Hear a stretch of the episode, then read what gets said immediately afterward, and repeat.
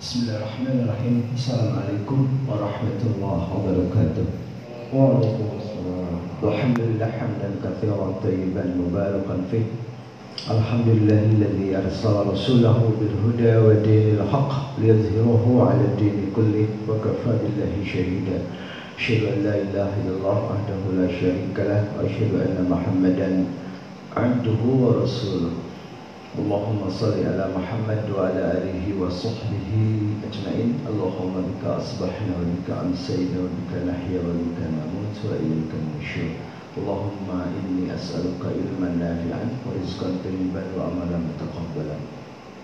Bapak Ibu Rahimahullah uh, Sebagaimana mukadimah dari Ustaz Sobar Syukur Alhamdulillah Pada pagi hari ini kita diberikan taufik dan hidayah uh, serta kesehatan sehingga menjalankan ibadah sholat subuh dan duduk sejenak uh, di taman surga majelis ilmu. Mudah-mudahan menambah derajat kita di hadapan Allah Subhanahu wa taala. Kemudian menghapus kifarat dosa-dosa kita kemudian dinaungi oleh sayap-sayap malaikat dan uh, nama-nama kita viral di antara makhluk-makhluk Allah Subhanahu wa taala واجتمع قوم في بيت من بيوت الله يتلون آيات الله ويتدارسونه إلا غشيت عليهم الرحمة ونزلت عليهم السكينة وحفت الملائكة وذكر الله في من عنده untuk memotivasi kita semua hadis ini sering saya sampaikan jadi berkumpulnya satu kaum di rumah Allah Subhanahu wa taala bisa saja ilmu itu kita dapatkan cukup duduk santai di kursi sendiri gadget apa pun ilmu kita dapat. Tapi istimahnya kumpulnya ini berkahnya ini tidak akan kita dapatkan. Berbeda dengan kita bermuajah bersilaturahim duduk di rumah Allah Subhanahu wa taala sambil sedikit ngantuk-ngantuk tidak apa-apa tetap mendapat berkah dari Allah Subhanahu wa taala. Baik rahimahullah uh, sebagaimana kita maklum uh, sekarang sudah Rabiul Awal 1443 Hijriah. Kemarin Safar dan kemarinnya lagi adalah bulan Muharram. Muharram Sof, uh, Safar Rabiul Awal. Tahun ini adalah 1443 Hijriah. Bagi sebagian kaum muslimin uh, di, di, di bulan ini terutama Safar ini ada yang masih terbawa mitos sial di bulan Safar ini. Ya.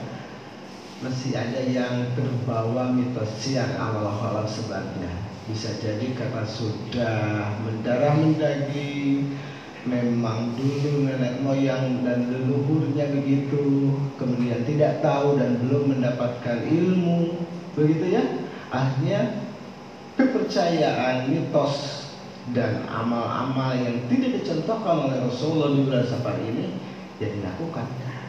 Begitu Bapak Ibu rahimahullah sebelum saya membahas beberapa mitos di bulan Safar ya sampai festival ketupat di penghujung bulan Sawal saya mulai dulu membacakan Al-Quran surah ke-9 ayat yang ke-1 dan ayat pamungkas ya 128 kira-kira A'udzubillahi minasyaitonir rajim bara'atun minallahi wa rasulihi ila alladhina 'ahadtum minal musyrikin.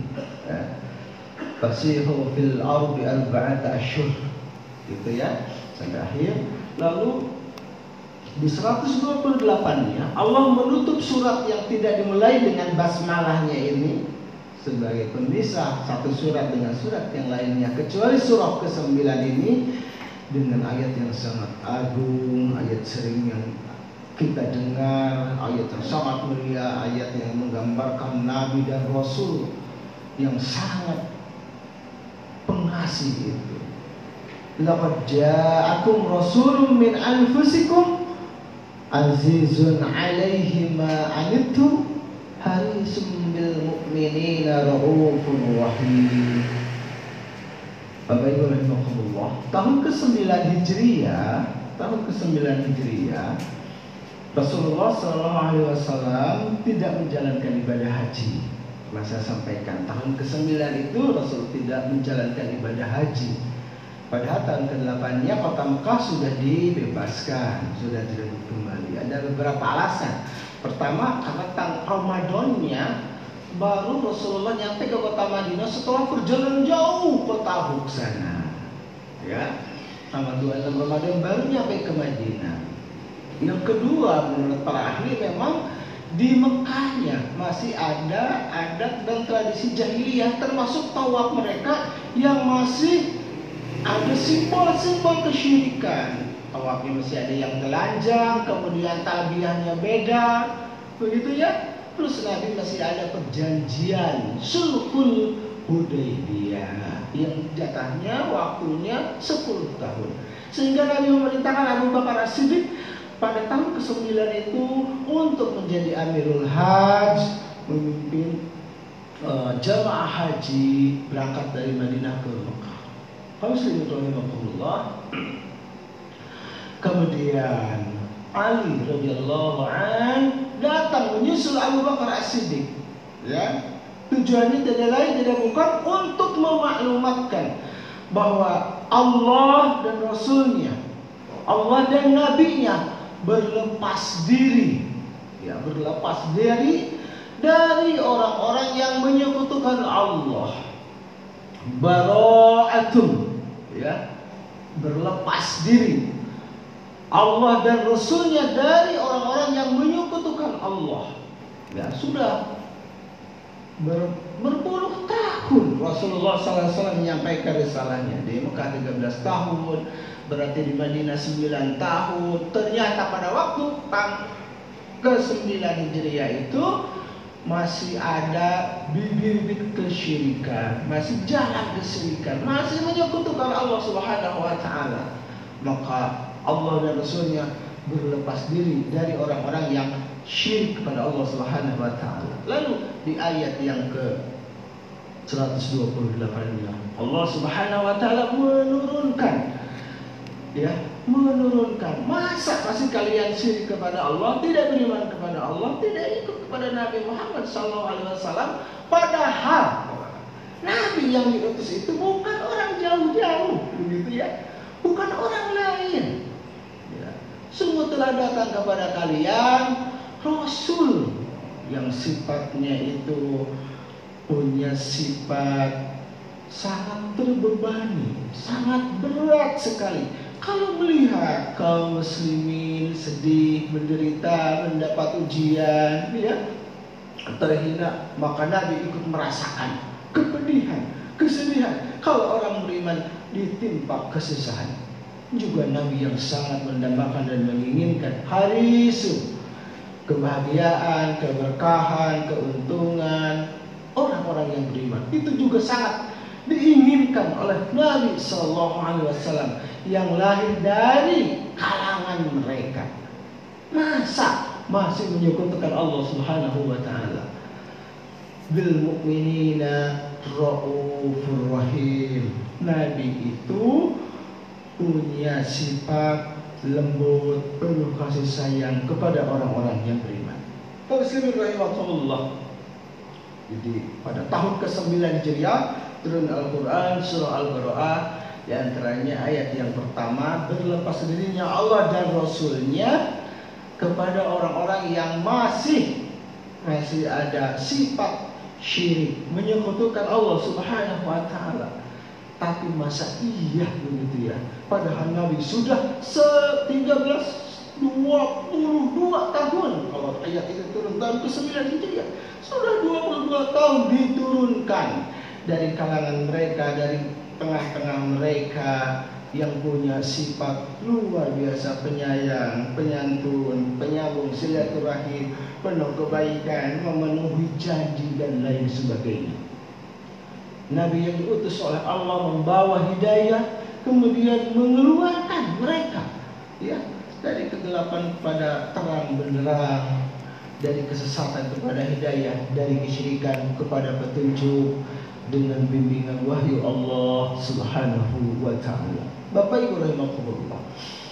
telah diutus Nabi Sallallahu Alaihi Wasallam maka Nabi menyempurnakan semua akhlak yang baik ya dan Nabi menghapus semua perilaku adat dan tradisi jahiliyah makanya Nabi Sallallahu Alaihi Wasallam menyampaikan dalam hadis yang sangat terkenal itu innama wa'ithu li utammima makarimal akhlak Tiada lain tiada bukan saya diutus ini untuk menyempurnakan akhlak. Akhlak yang bagus disempurnakan oleh Nabi, kemudian akhlak yang buruk diganti, ya dirubah, ya dicontohkan oleh Nabi Sallallahu Alaihi Wasallam. Akhlak yang baik orang jahiliyah banyak sekali. Rasa dermawannya, ya jujurnya, kemudian kemuliaan, jaga harga diri itu akhlak-akhlak jahiliyah tapi juga banyak akhlak yang sejak tradisi-tradisi tidak baik ya yang berlaku pada masa jahiliyah kemudian dihapus oleh Nabi Shallallahu Alaihi Wasallam. Dalam khutbah wada khutbah wada itu Nabi Shallallahu Alaihi Wasallam mengumatkan kullu amri jahiliyatin mawdu'un tahta qadamai semua perkara jahiliyah ya yang menyimpang yang membawa kepada uh, kehancuran, kesesatan itu semua dihapuskan dari dari muka bumi. Begitu ya. Semenjak sekarang semua tradisi-tradisi jahiliyah itu dihilangkan. Dan Nabi sampaikan itu pada haji wada nah, haji akbar tahun ke-10 Hijriah hari Jumat ya di Bukit Corona Padang Arafah. Kaum ada beberapa tradisi jahiliyah yang coba saya angkat ya. Ada beberapa tradisi jahiliyah. Dalam hadis uh, Bukhari, hadis Muslim kalau nggak salah nomor 2200 sekian ya disebutkan. Nabi menghapus ya keyakinan dan keyakinan dan tradisi jahiliyah. Pertama Nabi menyampaikan la adwa wala safarata wala tayarata. Kaum muslimin rahimakumullah. Jadi di antara kebiasaan orang jahiliyah itu mereka menganggap sial. Ya, menganggap sial dengan yang dilihat kalau saya ini yang didengar kemudian menganggap sial dengan waktu-waktu tertentu. Ini mudah-mudahan tidak ada dalam uh, apa akidah kita keyakinan kita ya menganggap sial menganggap tidak beruntung naas begitu karena apa yang dilihat, apa yang dirasa, apa yang didengar, kemudian berkaitan dengan waktu pada itu. Semua tidak ada dengan uh, Allah Subhanahu Wa Taala di muka bumi ini. Berkaitan dengan yang dilihat, dirasa, dilihat, kemudian yang uh, kaitan dengan waktu. Karena semuanya adalah ketetapan Allah Subhanahu Wa Taala. Ah, di antara kebiasaan orang jahiliyah itu Bapak Ibu rahimahullah berkaitan dengan untung rugi eh, sia dan apa namanya baik itu kalau mereka akan pergian mereka apa namanya me, melihat dulu sesuatu mereka akan berangkat akan sapa berniaga berpintu satu tempat maka mereka akan melepaskan dulu burung. Nah, adalah sejarah itu. Jadi mereka lepaskan dulu burung. Kalau burung itu ternyata ke sebelah kanan maka perjalanan itu dilanjutkan dan mereka keyakinan bahwa saparnya ini akan selamat niaganya ini akan membawa keberuntungan. Tapi ternyata kalau burung yang dilepaskan ini belok ke sebelah kiri eh, keyakinan mereka saparnya harus didelay harus ditunda. Jangan jadi berangkat. Karena bisa jadi perjalanan yang membawa petaka celaka di tengah jalan. Dan jangankan beruntung perniagaannya malah bisa celaka di tengah jalan. Nah, itu adalah uh, keyakinan ya, yang mesti ya, kita hilangkan. Karena untung dan rugi ini adalah semuanya adalah ketetapan Allah Subhanahu wa taala. Ini disebut dengan tiara. Oh ya. Nabi katakan la.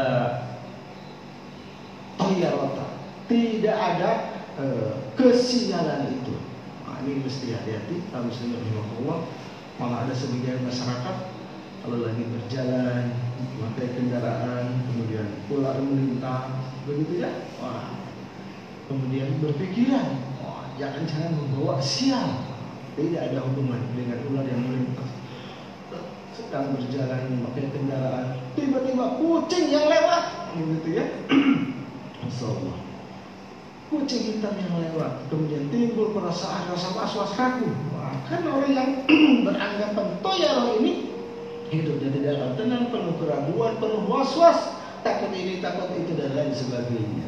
Sampai ada yang, masya Allah, bila kucing yang tertabrak, maka takutnya luar biasa melebihi menabrak orang gitu ya. Sampai berhenti dulu diambil kucingnya dicari kain digalikan kemudian dikuburkan. Kenapa? Karena bukan sayang kepada binatangnya tapi takut menabrak kucing apalagi warna hitam kemudian membawa kesialan. Ya dan sifat ini perilaku ini kadang turun temurun ya menjadi menjangkiti tauhid khamsin kalau kita menabrak kucing kemudian sayang sama binatang lalu kita ambil ya kita kuburkan tidak ada keyakinan apa-apa itu bagus. Tapi kalau dibarengi dengan keyakinan akan membawa kesialan atau meyakini akan membawa keberuntungan itu tidak dibenarkan.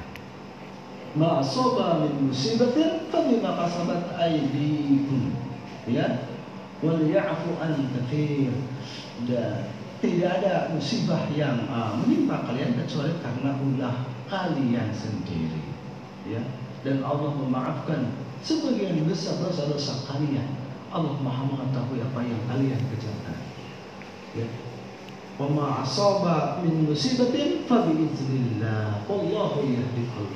Tidak ada yang menimpa pada musibah yang menimpa kalian kecuali atas izin izin Allah. Tidak ada kaitannya takdir itu dengan lewatnya seekor binatang atau tanda-tanda tertentu. Yakinlah itu semua adalah ketetapan Allah. Jangan hinggap keyakinan seperti itu dalam diri kita karena hidup kita tidak akan tenang, akan menduakan Allah, akan beragu. Begitu ya. Was-was hidup kita dihinggapi. Kenapa? Karena keyakinan kepada sesuatu. Yang kedua, wala safar. Orang jahiliyah pun, Bapak Ibu rahimakumullah, menganggap bulan Safar ini bukan bulan keberuntungan. Ya, percaya gak kita? Kita harus percaya orang jahiliyah Bapak Ibu rahimakumullah menganggap bulan Safar bulan kedua dalam penanggalan Hijriah ini sebagai bulan tidak keberuntungan. Dan ternyata ada sebagian kaum muslimin juga yang mempercayai seperti itu ya, tidak melakukan pernikahan di bulan Safar, tidak hitanan di bulan Safar, tidak bangun rumah di bulan Safar, tidak bepergian di bulan Safar. Sebagian, saya sebutkan sebagian, ya, sebagian di Jawa Barat, sebagian di Jawa Tengah, sebagian di Jawa Timur, sebagian juga di Madura. Ada yang meyakini bulan Safar ini terutama, ah, ya, terutama di minggu-minggu terakhir bulan Safar itu membawa kesialan. Jadi punya selidik, memang mereka berkeyakinan itu, di antaranya ada yang menulis dalam kitab bahwa di penghujung bulan Safar, Rabu terakhir di bulan Safar, Allah Subhanahu wa taala menurunkan 320 ribu bala.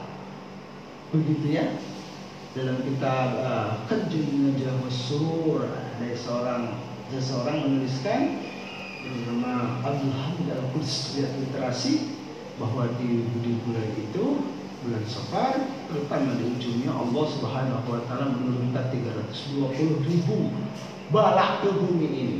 Maka dianjurkan untuk wah ini anjuran berikutnya ini tidak ada tuntunan dari Rasulullah Sallallahu Alaihi Wasallam ya kan uh, untuk uh, berkeyakinan beranggapan bahwa bulan Safar ini uh, bulan membawa kesialan. Kemudian ada sebagian kaum muslimin yang uh, sholat namanya sholat bala, ya sholat bala, sholat empat rakaat di bulan Rabu akhir bulan Safar Rabu terakhir sholat empat rakaat setiap rakaat sebelum ruku membaca 15 kali at-takasur, 5 kali al-kausar, satu kali al-falak, satu kali al-ikhlas.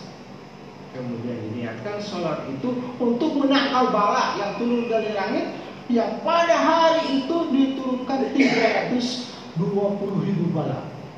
Nah, Sebagian kaum muslimin menjalankan itu. Namun sebagian lagi yang meyakini bulan Syawal membawa sial itu tidak menjalankan sholat, tapi mereka mengadakan kumpulan. Ya kalau di Jawa gundukan makanan, nasi kuning dan lain sebagainya. Biasanya kalau orang Sunda eh, mereka buat eh, ketupat, ya buat ketupat. Jadi di bulan Rabu terakhir kemarin tanggal 6 Oktober, nah, itu di tempat-tempat tertentu Insya Allah festival ketupat. Insya Allah ya. Ada ibu-ibu kok tadi pagi katanya sampai jam 10 siang di pasar sepi banget. Bukan karena ada vaksinasi kemudian masyarakat takut divaksin. Sepi banget di jalan. Ingat punya ingat cerita punya cerita. Ternyata itu adalah Rabu terakhir di bulan Safar. Dan mereka tidak keluar rumah tetapi mereka kemudian buat yang namanya ketupat. Ini yang disebut dengan tradisi Rabu Kasan Rebo Wakasan. Masya Allah Rabu Kasan di Sukabumi ya di Suandra di Garut Bandung, Tasik, sebagian di Jawa, sebagian di Madura. Ini Rabu Kasan, jadi Rabu terakhir. Saya pikir kalau buat ketupat kemudian dibagikan, tidak ada keyakinan dengan bulan Safar pembawa sial, ini bagus sekali ya. Nah, buat ketupat kemudian luar biasa. Ya, sampai anak muda di kampung menyebutnya hari ini menganggap katanya festival ketupat. Kita dapat ketupat satu buku banyak sekali dari mana dari mana. Saya tanya dari mana dari anu dari anu dari anu. Wah luar biasa sekali. Dalam rangka apa? Rebo, rebo kasan, rebo pamungkas, rebo akhir. Nah, memang ceritanya sangat panjang sekali menjadi tradisi kalau kata orang menjadi kearifan lokal. Tapi kalau dikaitkan sekali lagi dengan anggapan bulan Safar pembawa sial, hati-hati. Bulan Safar pembawa sial, ah ini khawatir menjurus kepada kesyirikan. Ya. Tidak ada kamus dalam syariat itu lihat kalau mufid ya waktu waktu pembawa sinar. Begitu. Dalam hadis kursi Nabi Shallallahu Alaihi Wasallam Allah Subhanahu Wa Taala berfirman lewat Nabi Shallallahu Alaihi Wasallam yu'zini ummati yu'zini ummati telah menyakiti umatku ya subdahro dia telah mencela waktu menganggap sial bulan Safar. Wa ana aqrabul laila wan nahar. Padahal akulah yang membolak-balikan malam dan siang. Siang berganti malam malam berganti siang. Itu aku semua. Tapi kenapa menganggap sial pada bulan Safar ini? Apa ibu rahimahullah memang kalau orang sudah berkeyakinan tidak mau menikahkan anaknya di bulan Safar. Ya Padahal secara logisnya hari Ahad orang libur begitu ya. Dua keluarga sudah sepakat. Tapi ternyata minggu ini adalah safar terakhir. Kalender hijriah. Awalnya diundur lagi. Nanti di Rabiul Awal. Kenapa? Keyakinan itu. Maka Nabi katakan saya tidak ada kesialan. Ya. Wala safar juga tidak ada naas. Ketidakberuntungan di bulan safar. Bulan itu semuanya sama saja. Ah, begitu ya. Bulan itu semuanya sama saja. Nah, maka muslim rahimahullah memang uh, luar biasa tapi di Indonesia saja begitu ya. Di tempat-tempat belahan yang lain tidak ada. Di upacara uh, tradisi uh, Rebu Wekasan. Ini dan itu masih sebagian yang sampai diumumkan di ya diumumkan di untuk sholat berjamaah namanya sholat bala. Lidafil bala empat rokaat saya perhatikan uh, lembaga-lembaga NU sekalipun dalam websitenya melarang sholat bala karena sial bulan safar ini. Paling tidak mereka membolehkan sholat hajat menghindar dari bala. Kalau sholat bala bulan safar ini memang sama sekali tidak ada istilah, tidak dianjurkan, tidak dicontohkan oleh Nabi Sallallahu Alaihi Wasallam. Kemudian Ah, wala adwa la tayarata wala hama juga tidak ada uh, tidak ada kaitannya suara-suara burung itu burung hantu burung gagak warna hitam ya yang kebetulan mampir di rumah kita kemudian bersuara dan kita berkeyakinan itu pembawa sinar itu semua adalah uh, tradisi-tradisi syirik yang oleh Nabi Shallallahu Alaihi Wasallam dihapuskan. Khawatir umat ini terjerumus kepada kesyirikan. Bapak Ibu rahimahullah. Kemudian berikutnya Rasulullah Shallallahu Alaihi Wasallam dalam hadis ini menyebutkan arba'un min ummati la yatrukuhunna ada empat perkara arba'un min ummati Fi amri jahiliyah la yatrukunna.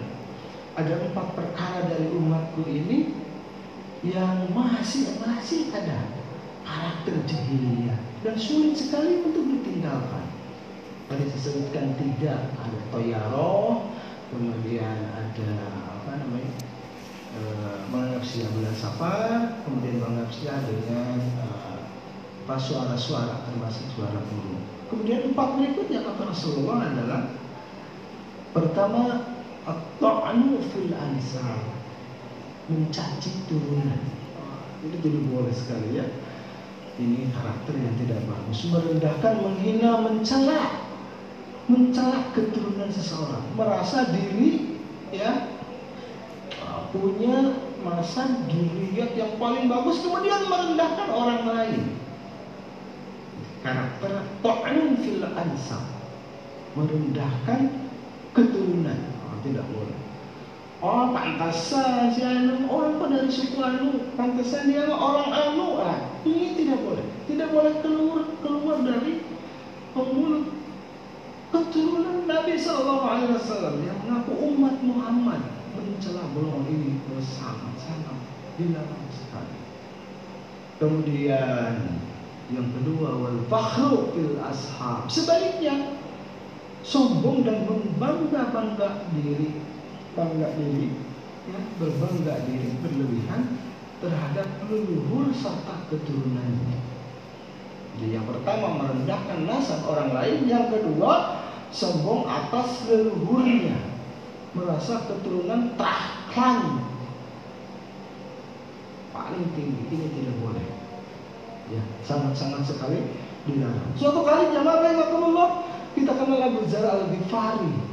Dia mencemooh, mengolok-olok ibunya sahabat mulia Bilal bin Rabah. Ah, pantesan kau wahai Bilal, toh ibunya itu berkulit hitam, rambut keriting, begitu ya? Ah, Nabi sangat marah sekali. Ya, pada inna khairun fi min amril jahiliyah.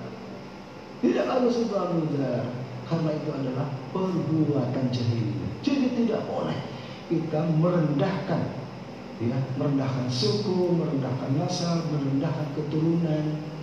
sekaligus merasa diri ini punya keturunan yang paling bagus. Karena semua di mata Allah Subhanahu wa taala sama. Lihat Al-Qur'an surah Al-Hujurat itu ya. Ya ayuhan nas Ya ayuhan nas inna khalaqnakum min dzakarin wa untha wa ja'alnakum syu'uban wa qabaila lita'arafu inna akramakum indallahi atqakum yang paling mulia dan boleh berbangga diri. Oh, para ahli tafsirnya menyebutkan silakan anda berbangga diri.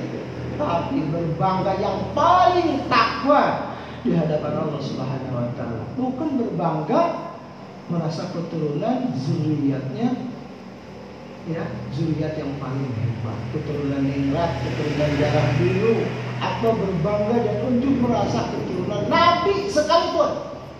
Karena tidak ada jaminan keturunan Rasul sekalipun yang paling mulia di hadapan Allah Subhanahu wa taala.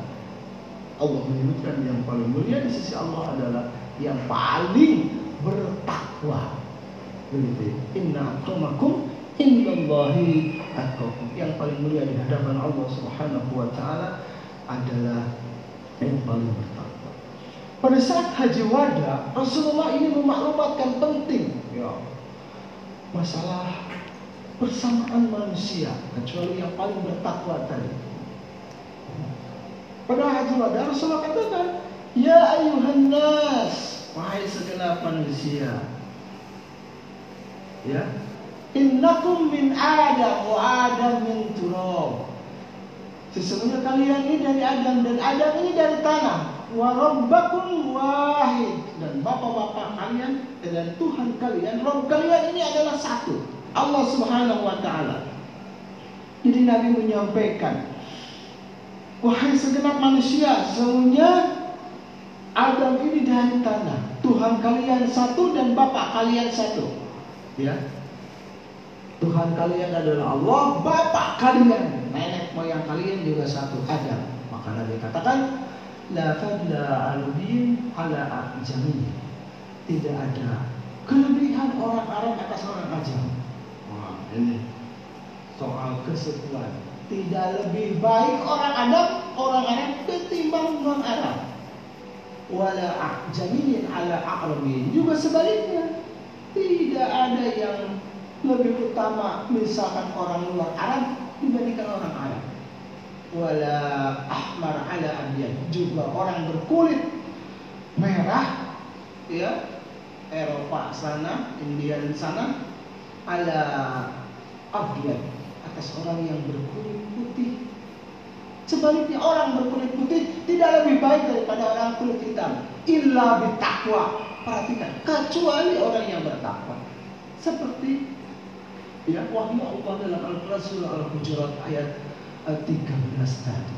Jadi yang paling mulia bukan karena unsur turunan, bukan karena klan, bukan karena suku, tapi yang paling mulia di hadapan Allah adalah orang yang paling bertakwa. Nah, kalau ada orang mengungkit-ungkit suku, menyebutnya suku merasa paling tinggi, ini adalah sifat jahiliyah yang kata Nabi sangat sulit sekali untuk dihilangkan.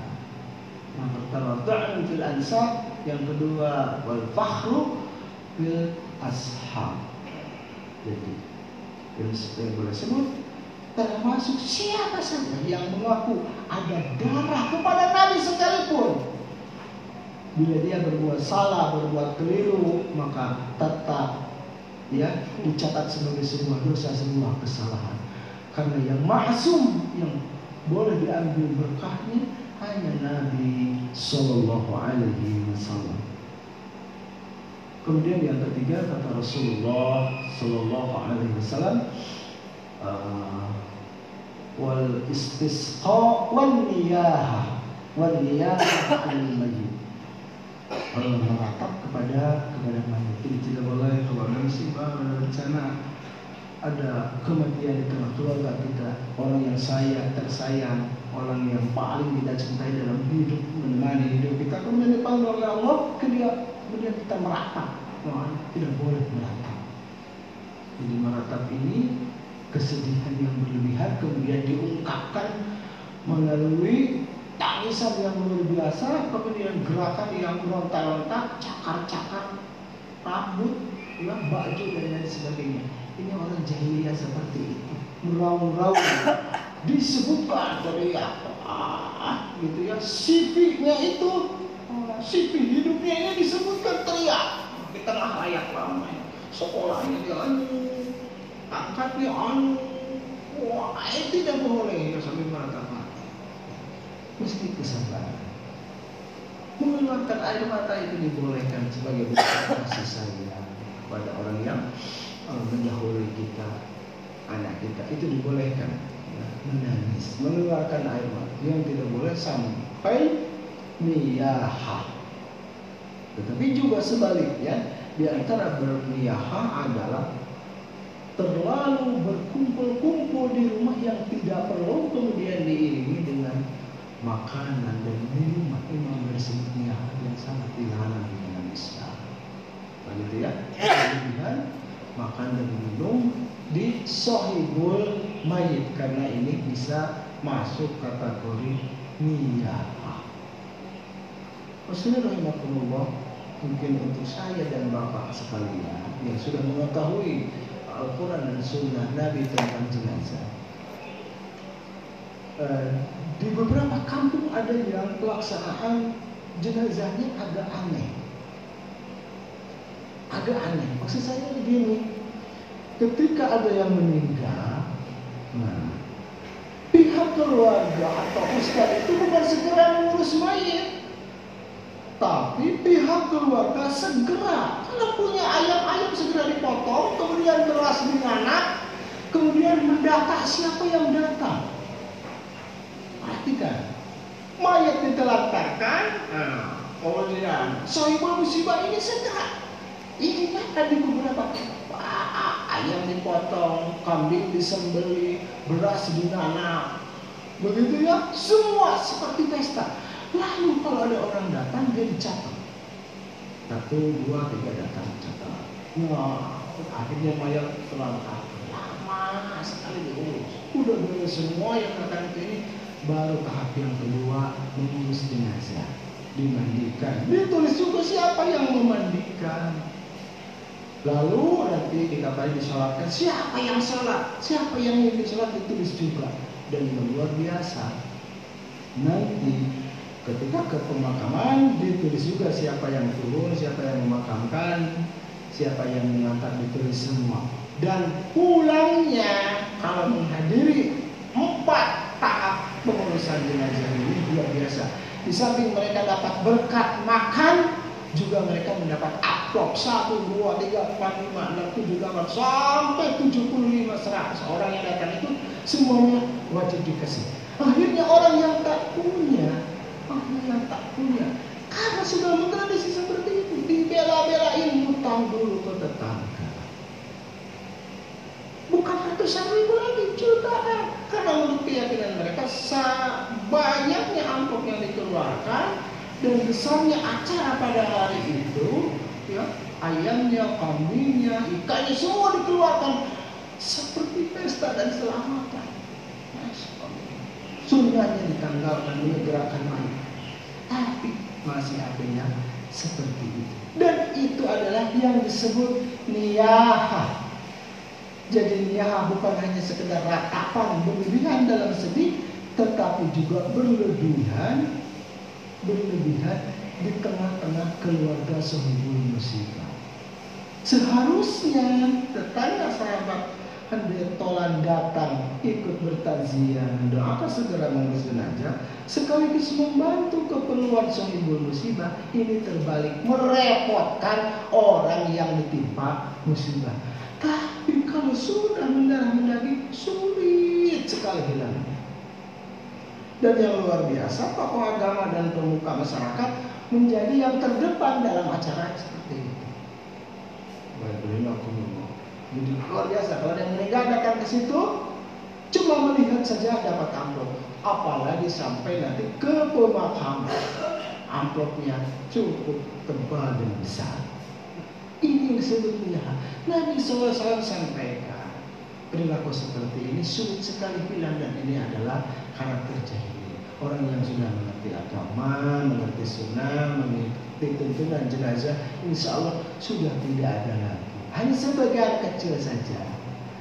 Tapi kita ingatkan kalau ada anggota keluarga yang masih seperti itu, ya, mumpung kita sudah tahu ilmunya, ya, ilmu tentang kepengurusan jenazah dan hal-hal yang dilarang ketika terjadi kematian di tengah-tengah sahibul musibah yang bagus kita datang kita berbela sungkawa berduka cita kita mendoakan kita bantu segera untuk membandingkan mengkafani ikut mensolatkan ikut ke pemakaman kemudian uh, diringankan kebutuhan dapurnya. Oh ini luar biasa. Ya harusnya seperti itu. Bukan terbalik. Sudah jatuh tertimpa tangga istilahnya. Sudah ada kematian ditambah harus bikin ini ini itu dan sebagainya. Terbalik dengan tuntunan Nabi Shallallahu Alaihi Wasallam. Kemudian yang terakhir yang sulit kata baginda Nabi adalah wal istisqa'u orang minta hujan sama bintang. Ini juga masih banyak ya yang apa percaya kepada perbintangan lalu dikaitkan dengan turun tidak turunnya hujan begitu ya. Ada petani sudah tua oh lihat aja malam ke atas. Oh sekarang seharusnya sudah musim hujan. Itu lihat bintang kenapa? Ini sudah Agustus September Oktober. Berber ini musim hujan. Tapi kok sekarang tidak ada hujan? Nah ternyata hujan tidak ada kaitannya dengan bin dengan bintang. Ya. Kalau dulu berkeyakinan setiap Agustus September Oktober, November, Desember adalah musim hujan, tapi sekarang ini Agustus September musim panas. Kalau begitu keyakinan hujan dikaitkan dengan perbintangan itu bisa jadi membawa kepada kesyirikan. Wal istisqa'u minta hujan kepada perbintangan tidak boleh ya karena Allah lah yang menurunkan hujan. Wallahu yunazzilul Allah yang menurunkan hujan. Kalau minta hujan kepada Allah, kalau lama sekali tidak hujan, maka kita dianjurkan untuk sholat apa? Istisqa, sholat minta hujan. Jangan minta hujan kepada pawang hujan atau minta diberhentikan hujan kepada pawang hujan. Ya minta hujan kepada Allah, minta hujan diratakan juga kepada Allah, minta hujan membawa rahmat juga kepada Allah. Jangan dikaitkan dengan perbintangan. Bapak Ibu rahimakumullah. Masuklah setelah bulan Safar ini bulan Rabiul Awal. Muharram, Safar, Rabiul Awal. Bulan di mana lahirnya Nabi akhir zaman Nabi Muhammad Sallallahu Alaihi Wasallam tidak ada lagi nabi. Ujian itu datang bukan hanya dari orang terdekat karena akhlaknya mulia, tapi juga dari para sahabat, para tabiin, para ulama, dari segenap alam memuji, ya, memuji akhlak dan perilaku Nabi Sallallahu Alaihi Wasallam. Di Republika ada pujian pujian yang datangnya dari Kaisar. Kaisar Ming ya Kaisar Ming dinasti Ming yang terkagum-kagum atas pribadi Nabi Shallallahu Alaihi Wasallam. Pujian itu madah itu disebut 100 kata. Isinya adalah pujian padahal jaraknya jauh tidak ada hubungan iman tapi orang-orang besar pun mengakui kehebatan dan keagungan kanjeng Nabi Muhammad Sallallahu Alaihi Wasallam. Ujian itu ternyata sekarang katanya ditempel di mesin-mesin di beberapa provinsi di kawasan Cina, di Guangzhou, di Yuan, itu dipasang di mesin-mesin atas perintah Kaisar. Isinya ujian dinasti ini terhadap keagungan Nabi Muhammad Sallallahu Alaihi Wasallam yang jujur membawa kebaikan akhlaknya terpuji luar biasa. Rasulullah Maka kana lakum fi Rasulullah uswatun hasanah. Sungguh telah ada pada diri Rasulullah contoh yang baik. Semuanya ada pada diri Nabi Sallallahu Alaihi Wasallam. Cara makan, cara minum, cara tidur, ya bangun tidur sekalipun semuanya ada.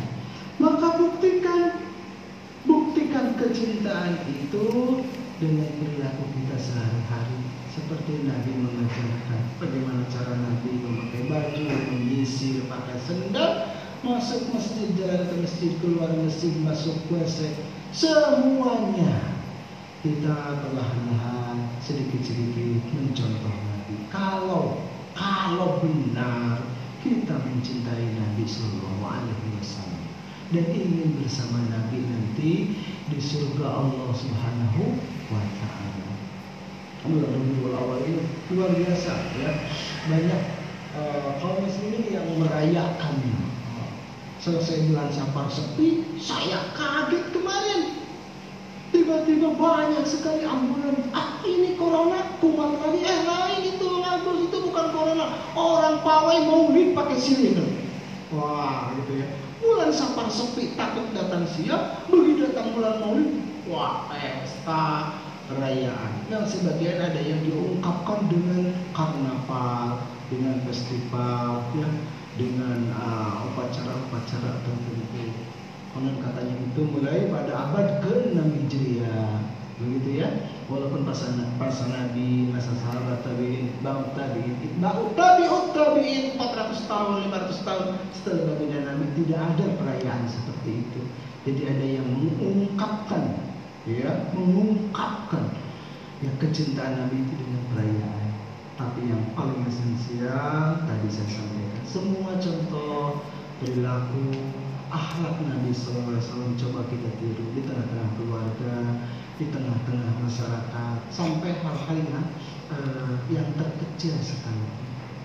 Nah, Nabi misalkan mengingatkan kepada kita umat Muhammad kalau benar-benar cinta kepada Nabi jangan makan dan minum pakai tangan kiri, begitu ya? Makan dan minum pakai tangan kiri. Nabi katakan, kul biyaminik wala ta'kul bishimal fa inna syaitan ya'kul wa yashrab bisimal hendaklah kalian makan dan minum pakai tangan kanan. Dan jangan sekali-kali makan dan minum pakai tangan kiri. Karena setan itu makan dan minum pakai tangan tangan kiri. Pak Ustaz saya biasa tidak. Nendang bola tidak pegang raket juga tidak. Ya usahakan makan dan minum pakai tangan kanan. Begitu. Masya Allah. Sampai Nabi pernah menegur sahabat yang makan pakai tangan kanan. Kemudian beralasan tidak mau karena biasa dia tidak maka Nabi mengatakan semoga engkau tidak bisa selamanya menggunakan tangan kanan. Betul saja. Ini hal-hal yang apa bisa kita jalankan sebagai bentuk kecintaan kita kepada Nabi Shallallahu Alaihi Wasallam yang dilahirkan pada bulan Rabiul Awal dan masa hijriahnya sudah 1443 tahun. Makan dan minum semuanya menggunakan tangan kanan. Nyisir pakai tangan kanan, memakai baju pakai tangan kanan, memakai sandal pakai tangan kanan. Karena golongan ahli surga pun itu disebut golongan golongan kanan ya kita berbaring masuk ke yang lahan pun berbaring ke sebelah ke sebelah kanan kita menjadi makmum pun di sebelah di sebelah kanan. Karena Rasulullah SAW yuhibut tayammuna fi kulli sya'ni dalam hadis Bukhari disebutkan Rasulullah itu mencintai yang kanan-kanan dalam semua urusan. Dari mulai nyisir pakai sendal pakai baju itu Rasulullah kanan. Jangan sampai berhenti. Tapi masih banyak umat Muhammad ah ini sepele soal makan saja kok dimasalahin dia pakai tangan kiri. Tapi dia mengaku cinta kepada Nabi makan saja minum saja. Emang sulit sekali kalau sudah jadi kebiasaan. Tapi insya Allah akan berubah seiring dengan ilmu, seiring dengan kecintaan kepada kanjeng Nabi Sallallahu Alaihi Wasallam. Bapak Ibu Allah uh, sungguh luar biasa tauladan Nabi Shallallahu Alaihi Wasallam dalam semua kehidupan di tengah keluarga, di tengah masyarakat, di pasar, di apa, di ladang, di medan pertempuran dan itu diakui bukan hanya datang dari para sahabat yang menyaksikan, tapi muatab ataupun dunia sekalipun. Ya, Nabi yang diperintahkan semua makhluknya untuk bersalawat kepadanya. Inna Allah wa malaikatahu yusalluna 'alal nabi ya ayyuhalladzina amanu sallu 'alaihi wa sallimu taslima. Mudah-mudahan kita yang hmm, lemah tak berdaya ya, banyak dosa dan hilaf, kurang amal dan menjalankan sunnah Nabi, kelak dia melahir dikumpulkan bersama Nabi Sallallahu Alaihi Wasallam dalam surganya. So, Allahumma bihamdika asyhadu an la ilaha illa anta astaghfiruka wa atubu ilaik. Mohon maaf atas segala kekurangan. Nah, jadi jemaah rahimahullah intinya uh, kaitan tadi bulan Muharram bulan Safar bulan Rabiul Awal masih ada sebagian kaum muslimin yang uh, dengan tradisinya khawatir tradisi membawa kesyirikan khawatir ada tidak tidak ada tuntunan dari Islam maka perlu ada koreksi lagi. Tidak ada kesialan kaitan dengan tempat dengan waktu dengan yang dilihat dan yang dirasa. Karena semuanya datang dari Allah Subhanahu wa taala. Itu adalah bagian dari akidah dan tauhid kita. Kemudian yang kedua bulan Rabiul Awal awal adalah bulan di mana lahirnya. Ya Nabi yang mulia Nabi Muhammad Sallallahu Alaihi Wasallam ungkapkan rasa cinta itu dengan mencontoh semua ya semua yang dilakukan dicontohkan oleh Rasulullah Wasallam. Akhlaknya kita ikuti pribadinya kita contoh. Luar biasa sekali. Ibadahnya sungguh luar biasa. Padahal sudah dijamin masuk surga. Sementara kita mengaku umatnya masih jauh dari Nabi ingin sekali bersama Nabi ah perlu introspeksi diri. Rabbana atina fid dunya hasanah wa fil akhirati hasanah wa qina adzabannar. Assalamualaikum warahmatullahi wabarakatuh